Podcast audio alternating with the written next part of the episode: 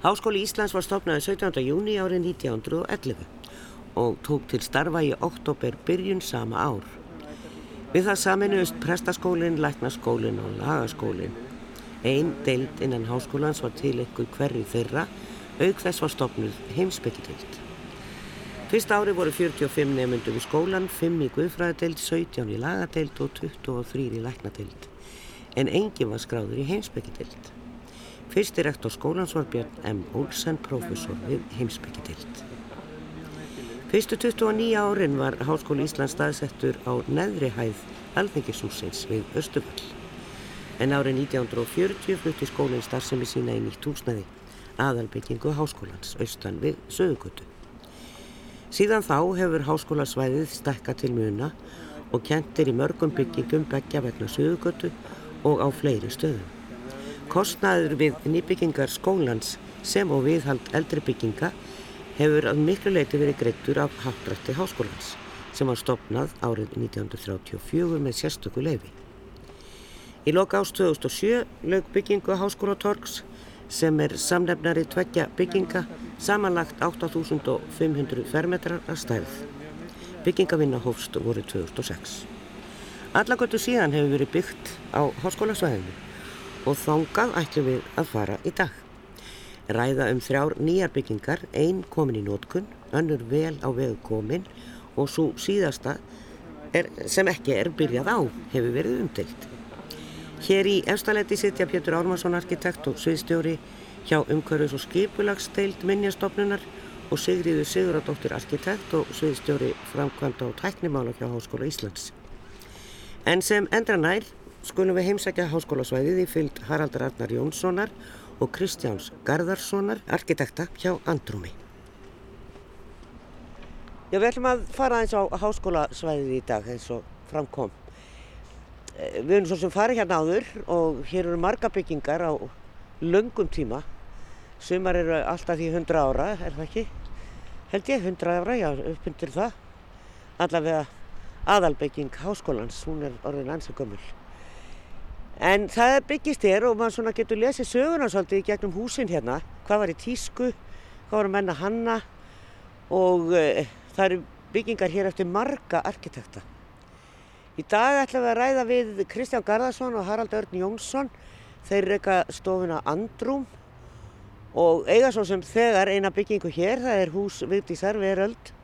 Við stöndum hérna bak við aðalbyggingu háskólans og uh, þjóðmjörnarsafnið hérna við hliðina okkur, hús jarfræðistofnunar hér fyrir neðan. Og e, sem ég veit nú ekki hvað er núna en hún var allavega byggt í þess á sín tíma. Og síðan eru þeir að byggja stóra byggingu hérna sem eh, er bakvið eiginlega íslenska erðagreiningu eða þarfið á þeim reit. Og síðan stúndagarða hér niður gamla garð og við ætlum að ræða eins um þessi þrjú hús. Hús Vítisar árum svolítið síðan að það reys og, og þóttu mörgum mjög flott að setja þessi undirgöng hérna þannig að fólk getur gengið innandira í húsið. Húsið lætur lítið yfir sér, það eru svona rimlar utan á því en svo tekum við þegar maður kemur inn, það er alveg annur veröld. Það er eiginlega bara ný veröld að koma þar inn. Þetta var í gegnum samkjæfni er það ekki þetta hús? Jú, þetta var í gegnum samkjæfni. Já. Þetta voru samkjæfni hvað 2012 eða ekki? Jú. Já. Já, það er ekki lengra síðan. Nei, Nei. það er rétt, þetta, þetta lættu lítið yfir sér. Þetta er eitt af þessum húsum sem eru svo skemmtilega þegar eru stærri innan heldur en utan. Já. Og svona koma alls konar trygg verða til þess. En, en það má segja kannski að, að það svona reynir að endurspegla að viti sig kannski í stóru myndinni svona, standi þarna stolt og horfið til allra átta og sé góðu granni. Já. Líka sérstaklega til samt gagvart gamlu loftskettastöðinni, setur hann á stall. Þannig að þetta er svona hús sem að, já, ber virðingu fyrir umhverfið sinu held ég. Já, en eins og ég var að segja þá eru byggingarnar hér og svo eru alltaf með þjóðabóklöðuna líka og hótelsögu, háskólabjó, þarna megin, mm -hmm. reysastór hús, e, hús sem hafa byggst, þau eru öll stór og mikil, e, hafa byggst á löngum tíma. Hvernig er að koma inn í svona, eins og segjum bara Vigdís, að koma inn í svona það sem er fjöldin allur af byggingum fyrir? Þessa sögu? Já, það er náttúrulega saga, sagan er náttúrulega bara allir sem að byggja hennar á sama hvaða tíma það er, þeir koma inn í sögu og eru hluti á sögunni. Og við erum náttúrulega bara hluti að þeirri sömu sögu Já. á þessum tíma, ekki 1950, það er að byggja eitthvað annað. Það, það er bara spurningin um að skoða í kringum sig og hvað, reyna að máta sig inn í umhverfið. Já. Þannig að maður mæti með hóværð og, og hérna, byggja sér inn í það sem fyrir er. Já. en samt á fórsendum okkar tíma og Já. okkar byggingarlistar eins og hún er í dag. Fagafræðin, uh, það er svona það sem maður sér á utan kannski fyrst. Mm -hmm. flestir sjá húsið bara utan.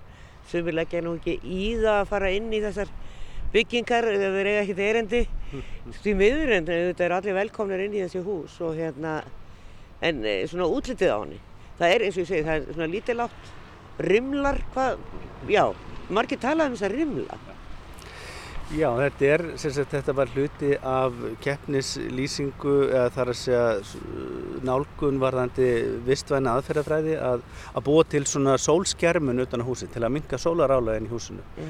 og við gerðum það á þennan hátt og af því að Víktis er verndari skórættar á Íslandi að það var viðegandi að gera þetta með lerki stöfum og á miklu leiti úr, úr íslenskri nýtjaskórært þannig að það var svona hugmyndafræðin á bak við það. Já. Svo eru skemmtilegt torgarna sem maður kemur inn á undurgöngunum og e, með svona, svona grístorg, getur maður sagt. Stalla tröppu niður og þetta setja þar og torgið niðri. Hefur það nýst?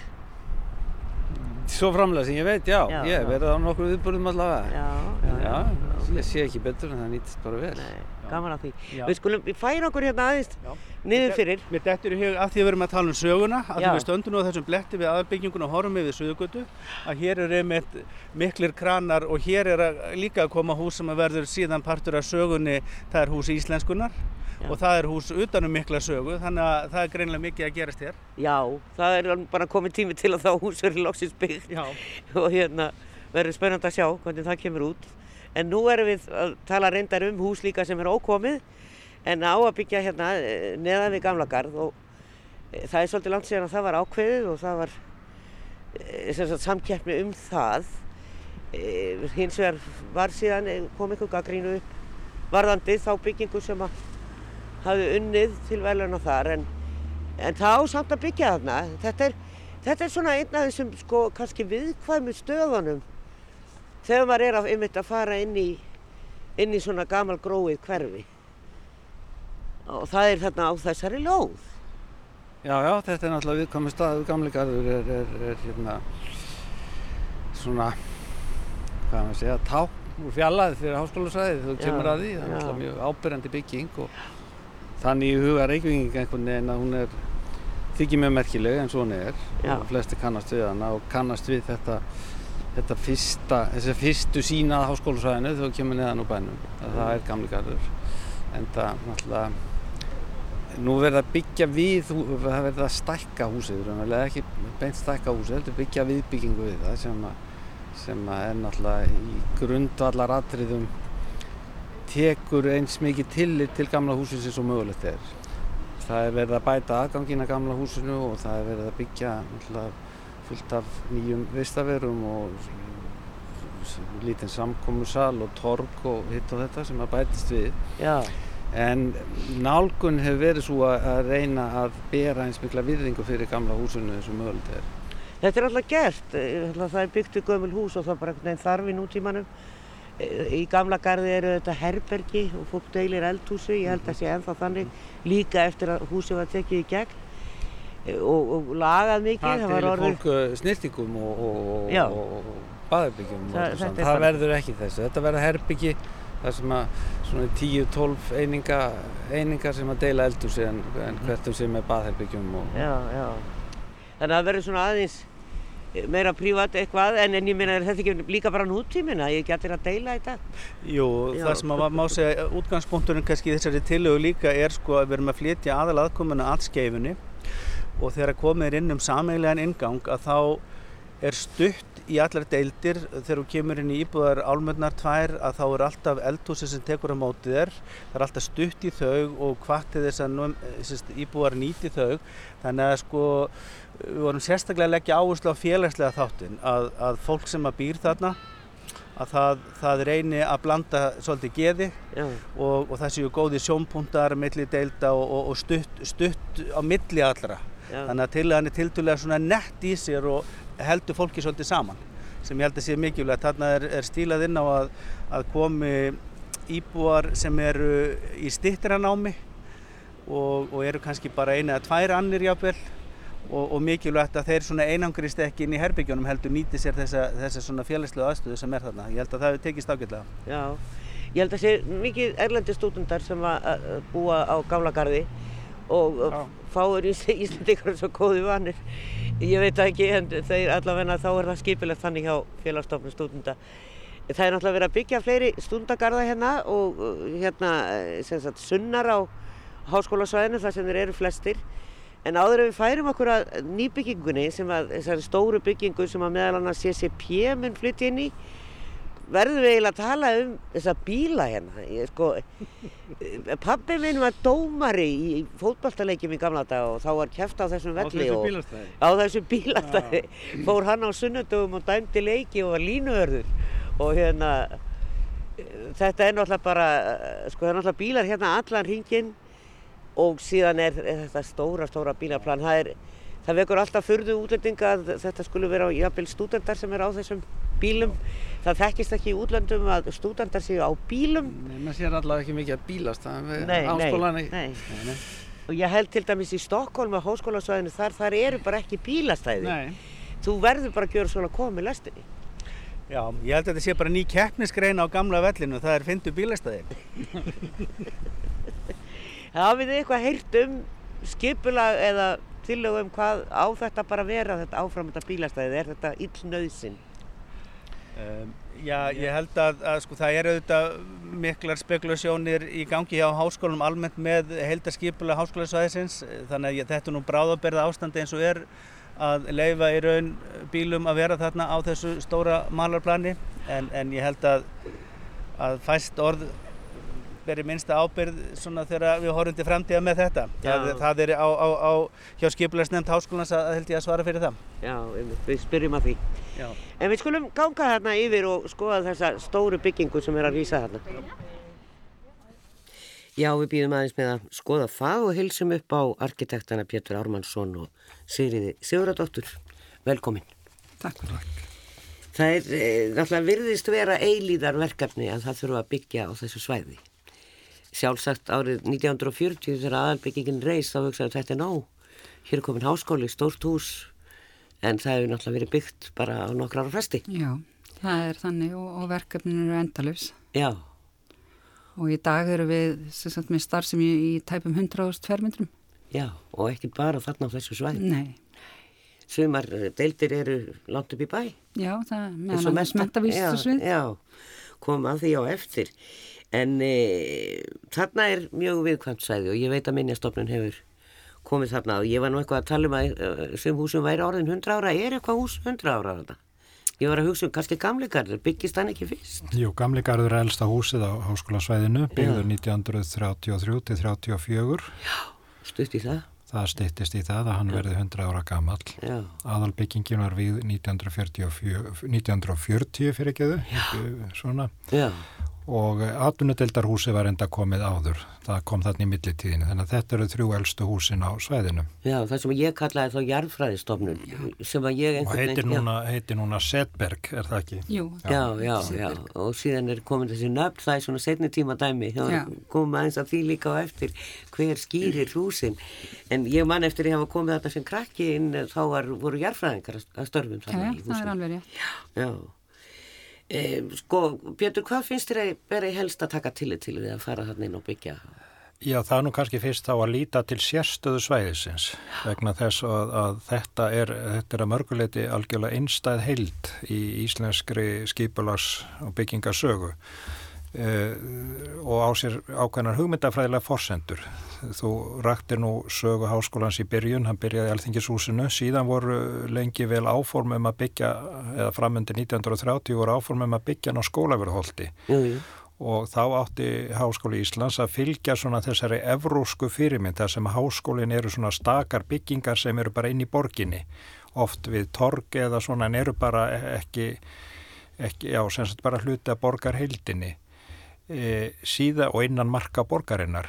Síðan kemur þessi, þetta útspil frá, frá þávarandi borgarstjóra Ragnúð Simsen sem var mikil aðdáandi tjarnarinnar og hljómskólagarsins svæði sem þar í kring það sem hann stakk upp á því að hann bauði eiginlega, eiginlega þetta svæði fram Já. við Suðugötu til þess að byggja þar E, miklu rýmra háskólasvæði og kannski líka á dálítið öðrum hugmyndafræðilegum forsendu því að háskólinn það, það var, sagt, þá var eiginlega farið frekar í þessa já, norður-amerísku hugmynd um campus innan gæsalappa eða háskólasvæði sem væri væri ekki inn í borginni heldur væri eiginlega svona þorp útaf fyrir sig. Mm. og þessi hugmynd, það má segja þessi hugmynd hún mæltist mjög vel fyrir allavega meðal, meðal margra þingmann á þeim tíma að háskólinn væri ekki beint inn í Reykjavík heldur væri svona aðeins hann væri svona pínulítið út á landi með því að vera þarna hinnum með yfir ringbrötina út í náttúrunni. Og það menn sáu fyrir sér strax frá upphafi að, að það erðu svona náinn tengsl við, við, við tjötnina og náttúruna og Guðjón Samúlsson sem að eh, lagði grunninn að skipulaði sæðisins, hann sá fyrir sér að, að hann, hann ákvað það að setja aðalbygginguna þarna efst í brekkuna við Suðugötu, snúa ekki húsunum að Suðugötu heldur að hínu opna svæði og setja uh, aðalbyggingun í öndvegi með þessari skeifu og síðan hvernig hann skipaði byggingunum þarna niður. Þetta var mjög sterk, þetta er mjög sterk formræn heild og er svona fyrst í stóri Eh, stóra ákverðuninn í, í, í skipulagi þessa svæðis og við vorum að hafa það í huga að, að uh, sko, fyrir 1930 þá sáum við fyrir sér að fleiri stopnarnir en bara háskólinn erðu við þetta háborgar, torg á skólaveruholti, það átt að vera þar sapna byggingar og samgómuhús og, og, og svo höfuð kirkja landsins. En það má ég lega segja að háborg menningar hafi flust yfir á melana með, með háskólanum því það nátt ekki bara að vera kjenslustar, það nátt að vera þjóðmínasafn, það var tekinn ákvörnum að þjóðmínasafnsúsið er byggt þarna og það voru áformum að byggja náttúrugreipasafn eh, þar sem að uh, hérna háskólatorg er núna þannig yeah. og, og svo síðar meir hafa kom þjóðabóklaðan og, og, og nú er vonu á húsi íslenskunar þannig að í reynd hefur þetta svæði orðið að háborg uh, íslenskra menningar. Mm, með að við starfseminna þannig að það er svo sérstaða og þá, svo, sko, þessi byggingarlegu, listarlegu þetta er eitt af örfáum uh, svona stórum svæðum í Reykjavík sem hafa verið svona mótuð af einhverju stóri fagufræðilegri sín og Já. þannig að ég held að það verði að vera mannum ofalega í huga þegar þeir fara að huga að, að framtíðaskipula í sveiðisins. Já, þetta er náttúrulega eins og segir, þetta er elsti hlutin af, af þessum byggingum. Eh, hafið þið alltaf, ég veit ekki hvað búin að starfa lengi þarna á framkvæmdarsveiði uh, hjá háskólanum en, en er þetta sko ofalega í huga þeirra sem að sjá svo um að byggja þarna og, og framkvæma það? Mm, það hefur nú svona undan, undanferðið doldi verið þannig að þörfun hefur skapast og, og, og þá hefur verið valin lóð undir þá starfsemi. En það var taldið samkeppni um, um skipla á svæðinu að rammaskiplagi sem að hérna var nú engin sigur til að heldur voru það vafa arkitektur og ask arkitektar sem að unnu rammaskipula í framhaldinu og núna, sérstaklega núna í tvö ár höfum við verið að endur skoða þetta rammarskipulag og erum bara þessa dagana að klára það og það er þau drauga rammarskipulagi eigum við síðan eftir að fara með og ræða við sérstaklega bæði nótundur á svæðinu og svo hagsmunnaðili kringum okkur. Já, ég hafði aðeins orð á því viðtælinu við þá uh, Kristján og, og, og Harald að það sætti gaggrinni þessi vinningstila af, af byggingu framan við gamla gard og það er einhvern veginn manni eftir að hafa síðmynd að það svona faldi alveg e, gamla gard og var kannski doldið svona frekt inn í þessari byrjun skeifinar og þetta, það var aðalega það sem var gaggrind þannig að þetta er önnur tilagan og, og er þið sátt við það sem er verið, hvernig það er verið að leysa þetta núna Pétur? Já, minnjastofnun hún gerði, gerði aðtóasemdir við, við þegar að þegar í rauninni fyrstas, fyrir, fyr, fyrstu veluna tilagan var kynnt sem grunnur að deiliskipulagi. Já. Og ég held að það hefur nú kannski líst svolítið vandanum í nótskurn að, að sko rammarskipulag hefur ekkert lögformlegt gildi. Nei, nei. og gallin við að taka bindandi eh, fjárhagslegar ákvarðanir á grundöldi rammaskipalags er að þá er ekki búið að fá fram aðtugasendir sem að mögulega kynna að koma fram í hinnu venjulega deilisskipalagsferðli.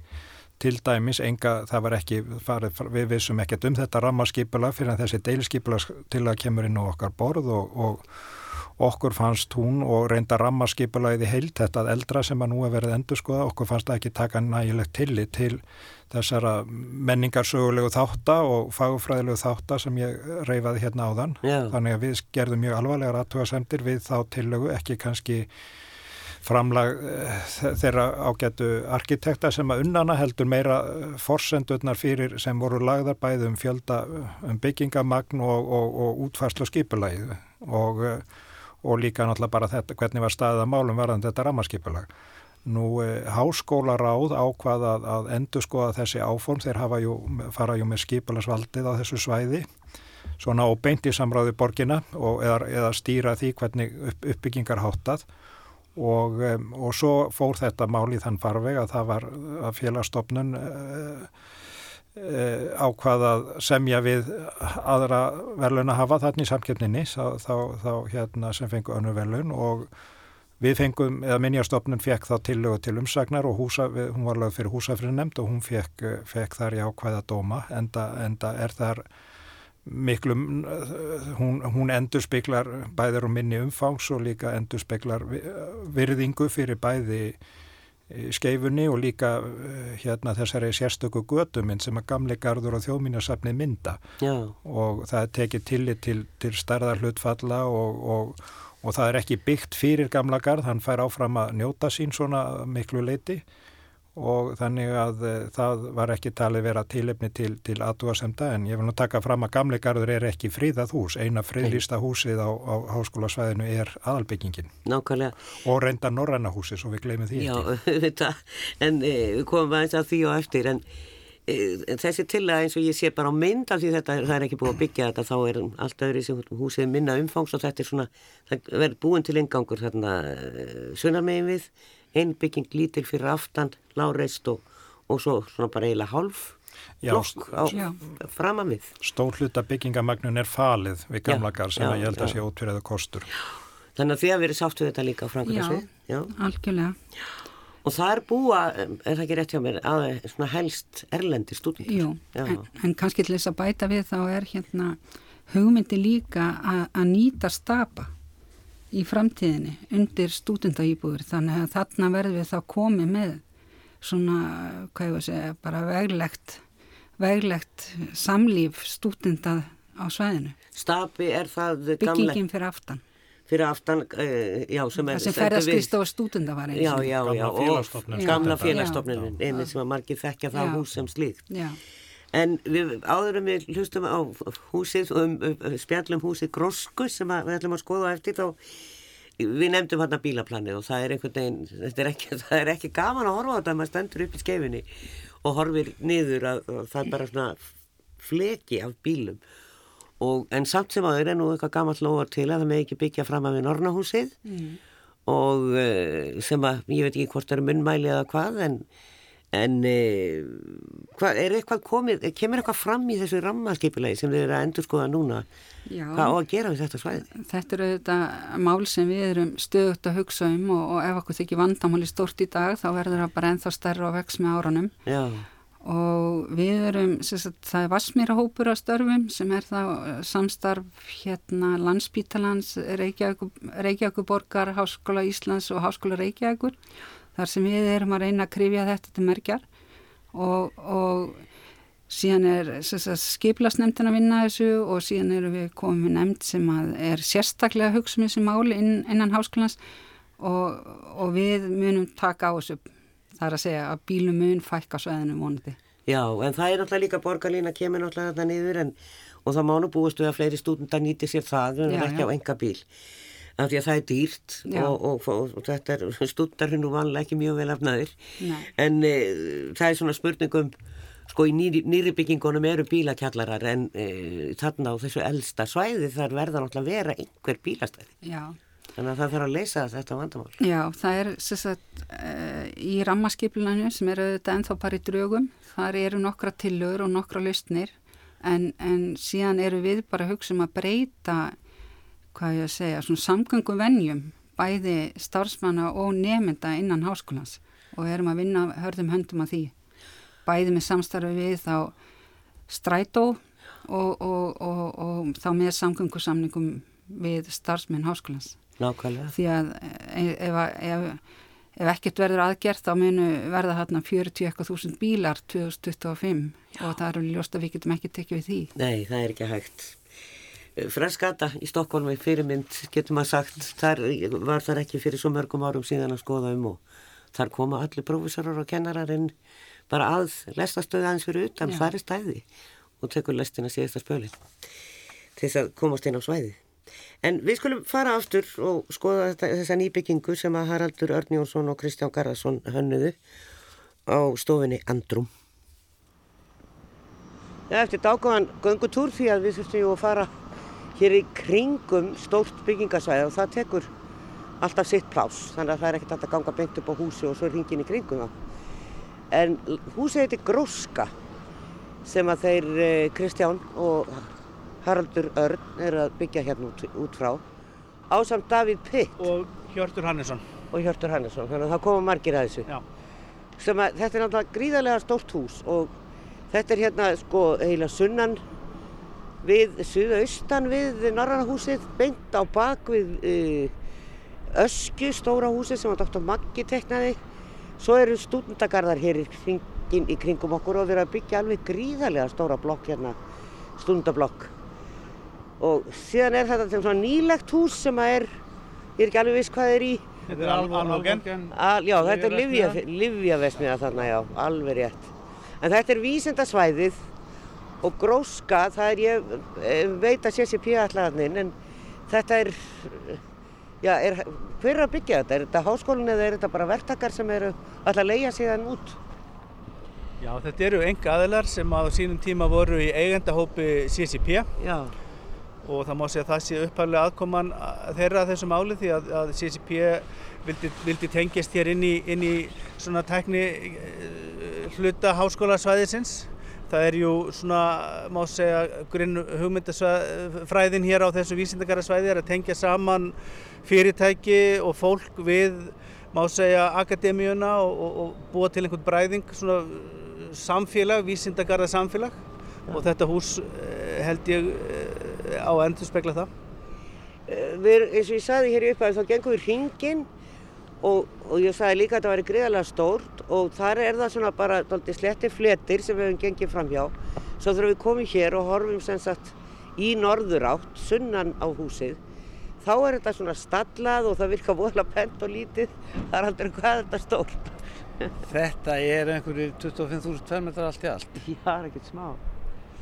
Á fjórum hæðum? Já, já, en þetta er hér þetta sem við horfum á, það er aðalingangurinn Þetta er aðalingangurinn inn frá frá því sem að verður tilvonandi þegar að, þegar að vísindakara verður búin að byggja sitt eigið hús hér á Moldabingunum sem við horfum á þá kemur þar stórt tork fyrir framann sem er Jónasar Hallgrímsson tork og verður miðja þessa svæðis.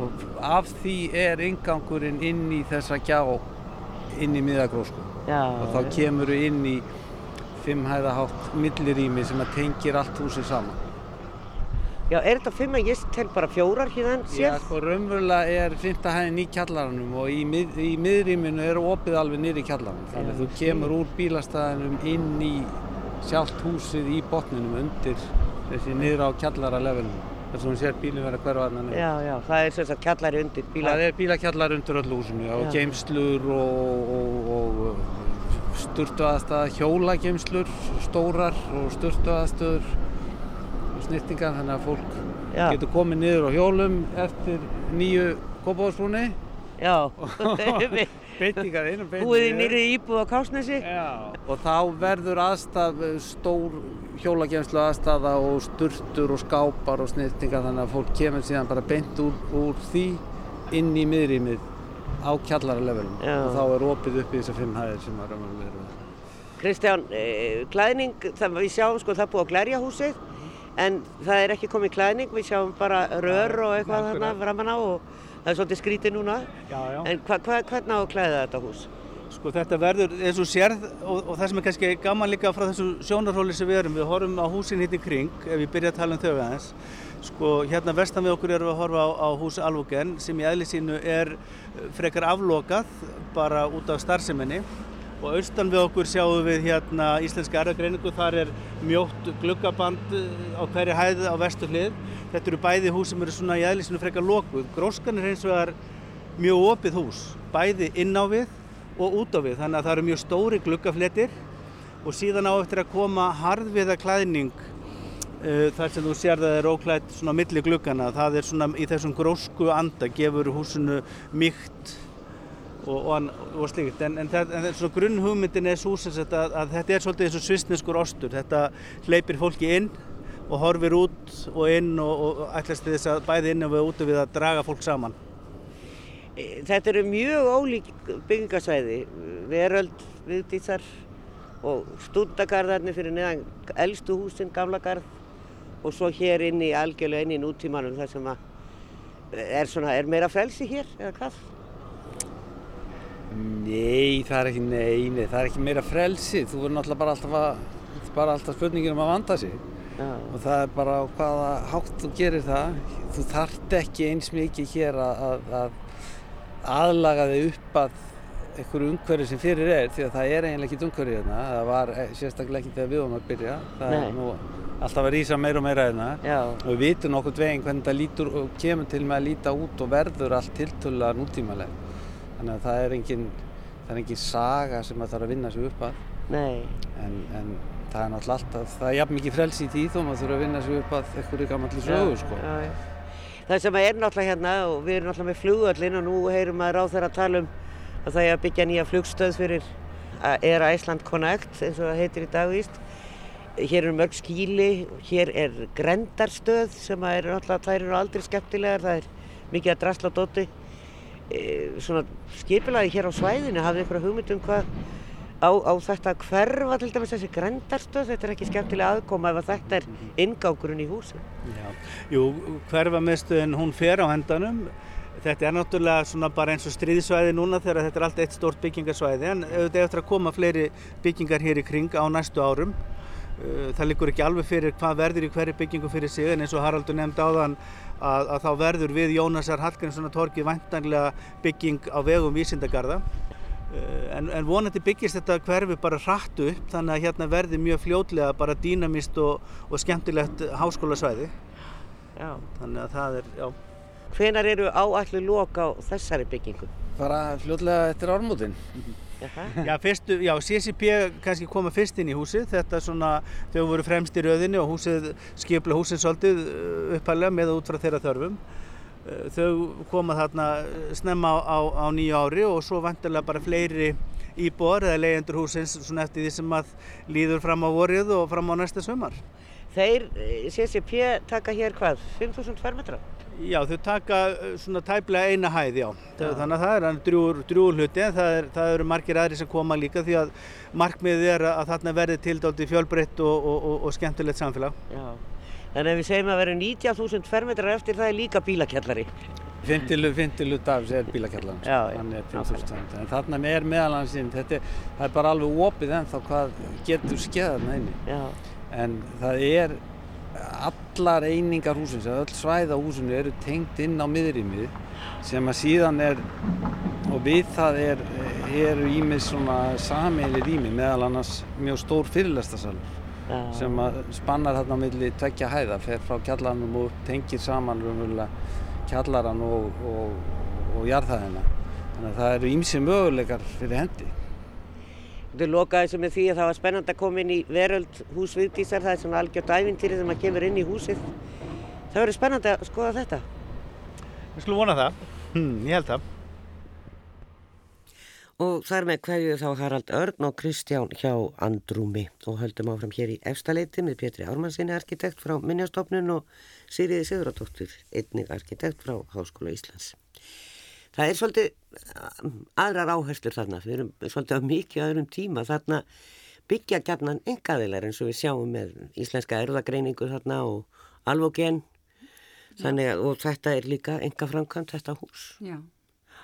Er þetta, og síðan allir því þarna við hliðina með vísindakarða, er, er það verið að gera tilum til að tengjast atvinnulífinu betur já. og tengja háskólan atvinnulífinu? Já, og það er verið að reyna að fá svona samstarfa milli þessara aðila og, og svona þróuna möguleika þessara ímsu fyrirtækja sem kæmið þarna og þá tengdast háskóla starfsemi Já. þannig að það er því samstarfa millir þeirra sem koma í Vassmínuna og okkar í Háskóla Íslands en um hérna Vístagarða það er sagt, þetta er 95% í eigu Háskóla Íslands og Reykjavíkuborgarrestin en þetta er alveg sér þróunafélag já, já. sem er að þróa Vístagarðana og starfseminna sem það er verður Já ehm hefur þessi starf sem við farum fram til þessu á milli háskólans og íslenskar erðagreiningar er, er, er samstarf? Sko, já það er samstarf, við erum þar með starfsemi já. Og, og, og e, það maður eiginlega segja að íslensk erðagreining var komin áður en að hugmyndin um vísta garda þorpið fættist já Þannig að það er kannski elsta byggingin á sveðinu fyrir utan bara hverfamistöðuna. Já, hún okkarlega. En eh, sem að hverfur vonandi. Já, já. hérna, eh, sko, verðavísasvið eh, er, er upp í Stakkalíð og í Skipolti. Já, jú, það er rétt. Og sko, ég hef hýrt að þeir komið mögulega hann inn í þetta hús. Uh, við erum sérstaklega út frá, það er í stefnu Háskóli Íslands, það er að koma sérstaklega mentavísasviði yfir á melana eins og við segjum. Og, hérna, og við erum bara að leita allar að leiða til þess að koma þeim yfir, um, yfir til okkar. Og einn af þeim möguleikum sem skoðar hafa verið er, er til dæmis gróskuhúsið en hvort það gengur eftir eða ekki það er ekki alveg ljóst Nei, mér skilst að í stakkalíðinu það er svo margir í fjarnámi og það eru svo marga sérhæða stofur og annars maður var á sínum tíma þá þurfti Já. voru byggðar kænslistofur með öllum græjum eldhús og, jafnvel silfursmýði og, og allt mögulegt þar við frá sem að nýtist lítið. Já, það eru, það eru því miður ekki margi nefndur. Nei. En, en þessi starf sem er reyndar í skipholtinu en, en, en að kennarnámi fer fram í, í stakkaliðinni. Já. En við erum líka notað þá stóru fyrirlestrasali sem þar eru undir önnur fög Þetta, þannig að nefndur flakka á milli. Já, þá er eins og þetta gott hjól. Já, segðu. Já, en uh, og fleiri sem að svona horfa til þessa hús með sína starfsemi? Þess uh, að gróskuna? Já. Já, ég varst ekki um það. Við hefum ekki heyrt annað heldur en þessi eftirsókn að komast í, í grósku. Já, þetta er kannski ekki svæðið sem að minnjastofnun er að skipta sér að. En hvað, hvað finnst þér Eh, finnst þeir svona sjálfum um, um byggingarnar þarna? Jú, það, það er náttúrulega, við, við komum að einni byggingu þarna í þessu nákvæmni sem er Norranna húsið Já, og við berum mikla veriðingu fyrir því og, og tengslum þess við reykjum við borginna og þetta græna svæði fyrir framann, opna svæði sem er, mót, þetta er einstæmi eilað einn frægasti arkitekt 20. aldar kom að því að móta þetta svæði og setja fram sínar hugmyndir alveg líkt, líkt, líkt okkur Jón Samúlsson þannig að það þarf að hafa það í huga nú uh, það má síðan rýs náttúrulega askja sem að, að sumpart uh, sko það var nú kannski aldrei raunhæft að sjá það fyrir sér að aldrei yrði að, að, að bláa, blái skjöldurinn á Norrannahúsinu fengi að kallast á við Reykjanesfjarkarnum aldur og æfi. Það var nú þegar búið að raska þeirri mynd með stúdendagörðum sem reysu þarna á holdinu Já. En um, síðan það er alveg ljóst þegar að, þegar að náttúruvísindahúsið Askja var hanna þá var höfundurinn Dr. Maggi Jónsson hann, hann var mjög meðvitaður um Norrannahúsið og, og að, að svona skapa, já, tiltöla hlutlösa byggingu vil ég nú meina til þess og hann tók til til sjónlína og annars, þannig að það var ákveðin fagfræðileg hugsun í mótnum þeirra byggingar sem, a, sem að var vel. Þannig hún myndar nú eins konar skjöld fyrir þetta nýja hverfi sem að svona gerir það verkum að byggingar eins og, eins og þessi nýja, nýja bygging þarna gróska, hún er ekki svona hún verður ekkert svona áberandi þáttakandi í þessari heildarmynd háskólasvæðisins, heldur er þetta svona bara frekar, frekar í bygg eins og Haraldur Örn lístiði þá er þetta, var, var, var engin sérstök staðar enginni þarna þessu svæði. E, það má nú eflaust ræða segja eitt og annað um skipula vísindagarðana sem að, eða semst þetta skipula sem að vísindagarðarnir bygg, eru byggðir eftir og, og hérna mér finnst nú, ég vona nú að ef, ef ég tek nú bara sem dæmi mér finnst til dæmi sko Sæmundargatan sem að likur hérna í gegn með stúdenda byggð á, á aðra hönd sem að mér finnst nú reyndar að hafa tekist mjög vel og hins vegar Livjaversmiðuna hinnum einn þá sakna ég sárlega að hafa ekki, hafa ekki meiri gróður í þeirri göttumind hún er ansi mikil steinsteipa eins og hún lítur út, hún lítur út í dag. Og þarna hefði verið gott að hafa trjár og það hefði verið gott að íta versmiðu byggingunni aðeins fjær göttunni þannig að það væri svona eins og, eins og þetta fallegu trjágöngin sem alltaf engkenna háskólan efa, og ég vona nú að úr því að menn alltaf kenna torkið við Jónas Hallgrímsson þá verði náttúrufræðingin að þá verði það nú græni, þá verði nú einhver gróður þar ekki bara malbygg og, og hellulögn. Já, það, ég get ímynda með það það er gríðastór þessi stundakarlar sem er verið að byggja þarna núna ég nefndi upphafi þáttar. Eh, stór hvít blokk sem er að, að rýsa og hún er held ég bara eina fimm hæður, hún er nokkuð há sem er, er þarna sem sagt vestanmegin á lóðinni. Ég er jafn á allar aðra það ég held Já, að sé þrjár bara, er svo löng kannski, það er kannski það Já. sem er, hún er dótti löng. Ég held að sé þrjár hæðir og, og síðan þá indregin efstahæð og þá fymtahæðin getur við talið kjallaran Já, já, nákvæmlega En hún virkar svolítið stóra því að kannski vegna þess að hún er svolítið löng. Já, hún er minna brotin upp Já, já, en, já. En, en byggðin þarna við ottagöt, fyrir neðan ottagötuna og, og sko mér finnst það að vera, mér finnst tvent mikilvægt í, á þessu svæði, mér finnst mikilvægt að hafa stúdenda íbúðir þarna þannig að þetta verði lífandi samfélag, þetta verði ekki bara, bara yðnað eða atvinnu hverfi og, og því fleiri íbúðir þarna þe- þeim er betra, það er jákvægt og Já. mér finnst líka mjög mikilvægt að, að, að þessar byggingar sem þarna eru, það er svona gefi af sér þar séu opnar gagvart, gagvart háskóla samfélaginu, almenningur eigi erindarnin, það sé svona almenningsrými inn í byggingunum. Ég veit ekki hvort það var hugsað með alvokun bygginguna, mér finnst hún virka frekar lokuð og fráhrindandi eins og hún er í dag en það getur verið það eigi eftir að þróa það eitthvað áfram en að því hún er á svona ákvönu líkilstað en erðagreiningabyggingin, hún er til dæmis uh, skemmtilega hönnuð að því leiti að þar hefur, það er svona göngu ás í gegnum hana að þó að þetta sé með lokuð starfsemi þá getur hún enga, þá eh, eru ákveðin, ákveðin hluta byggingunni sem er líka opinn fyrir almenningi sem mér finnst vera mjög jákvægt. En kannski svona eldri tíð það er bílastæða ringur í kringum allt húsið sem að við sjáum í borgatún og annað og enginn vil sjá í dag einhvern veginn. Að fela þess að bíla finna þeim betri stað og gera þau meira aðlandi bara reynlega bílastæðin. En ég veit að því vorum að tala um nöfnin Jónas Hallgrímssonar Torg og Gróska og þú nefndir Stapa og, og það eru hann hús þau eru öll skýrð einhverju nafni í dag. Og uh, það, er, það, það var ekkert endilega þannig. Þetta, þetta kemur svona til í setni tíð Já, ég, þetta er ekki upphafi held ég. Nei, ekki held ég það Nei, heldur. nei, nei. En, en það vil nú svo til að oftast fá byggingarnar svona á, á undirbúnus og hönnun á tíma eh, einhver viðunefni sem kannski festast við þau. Já, en hérna en ég þekki það bara ekki nógu vel Nei. er hvernig þau veljast? Hva, er þetta eitthvað sem að minnjastofnun kemur að? Nei, hún hefur ekki áhrif að þetta. Þetta er, þetta er nú bara fröng, held ég, hugmynd, hugmynd sem kemur frá háskólanum og það er, mér finnst, mér finnst þetta að vera smekklegt að kenna þetta við svona kennileiti og staði sem að tengjast eh, starfsemin í hverju húsi fyrir sig í, í amerískum enga háskólum þá er þetta nú yfirleitt eru byggingarna kendar við þann sem gefur pening í það þannig að Já. það eru kendar við alls konar kalla. og fjölskyldur og kalla sem, að, sem að hafa gefið peninga. Og mér finnst þetta nú vera svona meiri anda okkar menningar að gera þetta og, og skemmtilegur já, siður. já, það er það. En ef ég mann rétt þá var bara opinn samkeppni með nafnið á, á, á veröld húsi Vigdísar já, það var nefnilega það. Já, er ekki Það já, var- já, mér minnir það. Og, og þetta var sem sagt hérna, sigur nafnið veröld hús Vigdísar. Já, um mitt, fallet nafn.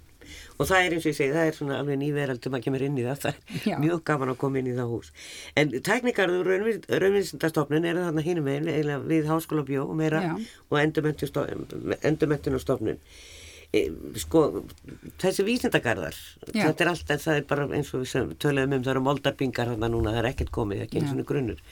E, hvenar er þetta á, á dögunni? Og er, er, eru þeir mögulega að fara þar inn tæknikarður og, og raunvísindastofnun inn í þessa vísindagarða? Eh, ekki með að það er áallanir sem við erum að vinna eftir í dag og hérna þá sér já, hérna vonin, það er að segja já, verk og náttúrufræðildin hún sér sjálf að sig þróast áfram á þeim stað sem hún er. Já. og, og reynisutastofnun það er að segja, já, starfseminn þar haldi áfram. En manni finnst einhvern veginn eins og tækningar þetta, það, það er svo penthús, það er ekkert volað stort. Nei, Nei en, þeim sár vantar, vantar húsnæði. og vantar mikið rannslunar húsnæði og, og við erum sagt, bara að leita leiða til að, að láta það gerast. Já. En við auðvitað fjármögnum eins og kom fram hérna uppafið þá fjármögnum við okkar nýbyggingar með haptrættisvið sem þýðir auðvitað við þurfum alltaf að sapna aðra við getum eitt. Já og hérna að hvenar, hvenar að því kemur vonandi bara sem fyrst Já, einmitt Þess eh, nýbygging gróska þá taka hann í nótkunn samkvæmt arkitektunum bara upp úr áramótum þannig að fyrir CCP inn og ekkert vitað annars hverjir koma.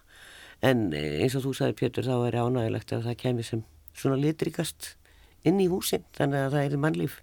En vantar þá ekki veitingarstaði Háskólatorg var tróðið þegar ég kom þar í hátteginu Já, ég verð að segja eins og er að sko, eitt, það hinga til, þá hefur háskólinn borið gæfu til þess að haga sínum byggingamálum nokkuð vel í það heila tekið. Það hefur tekist að halda utanum uh, svona ásýn skeifunar, það, það er búið að byggja mikið af nýjum byggingum, gera mikla breytingar en það hefur allt saman verið gert ákveðinni hugkvæmni og virðingu fyrir því sem að fyrir þessari heildarmynd. E, og þar er gamall og nýr arkitektur og ég verð sérstaklega að nefna háskólatorkið er að ég held að það, það hafi engin bygging gjör breytt jafn mikið e, starfsemi heillar stopnunar eins og svo bygging hvernig hún er hugsuð sem svona hjá, þessi, þessi almenningur þar sem allir koma saman og, og, og, og nefendur og prófessor að mætast í matalli og þetta er eitt af því sem allra mikilvægasta í svona samfélagi að það sé svona bygging þar sem, sem allir mætast og, og geta átt uh, svona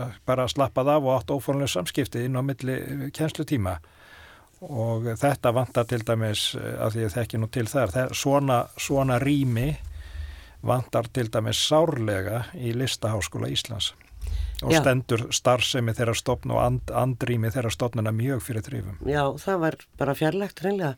E, það var svona lítið mataðstaða og, neðs, á neðstu hæðin í skipholtinu, eða þverholtinu en, en því var lokað þá bara dýft að reyka þetta skildist. Já, það fór eitthvað úrskiðist þar en, en húsið líka kannski ekki mjög hendugt fyrir, fyrir okkur að þennan þátt og það, það séu góðar vinnustofur Já. en þetta til dæmis og, og nú veldi maður fyrir sér hvað verður um þegar mentavísindarsvið flytur í, á melana Já. Hvað verður þá um byggingarnar í stakkarlýð sem eru margt, um margt vandaðar og, og, og merkar sem byggingarlist eldri byggingin til dæmis Já Já, þetta er eins og ég segði upp að við, það er eiliða verkefni að koma háskólaborgurum fyrir í, í, og gera nóg mikið pláss og hafa það sem vandaðast en eh, við komumst ekki lengra. Pétur Armarsson, Sýriði Sigurðardóttir, takk og kjalla fyrir. Takk svo mjög.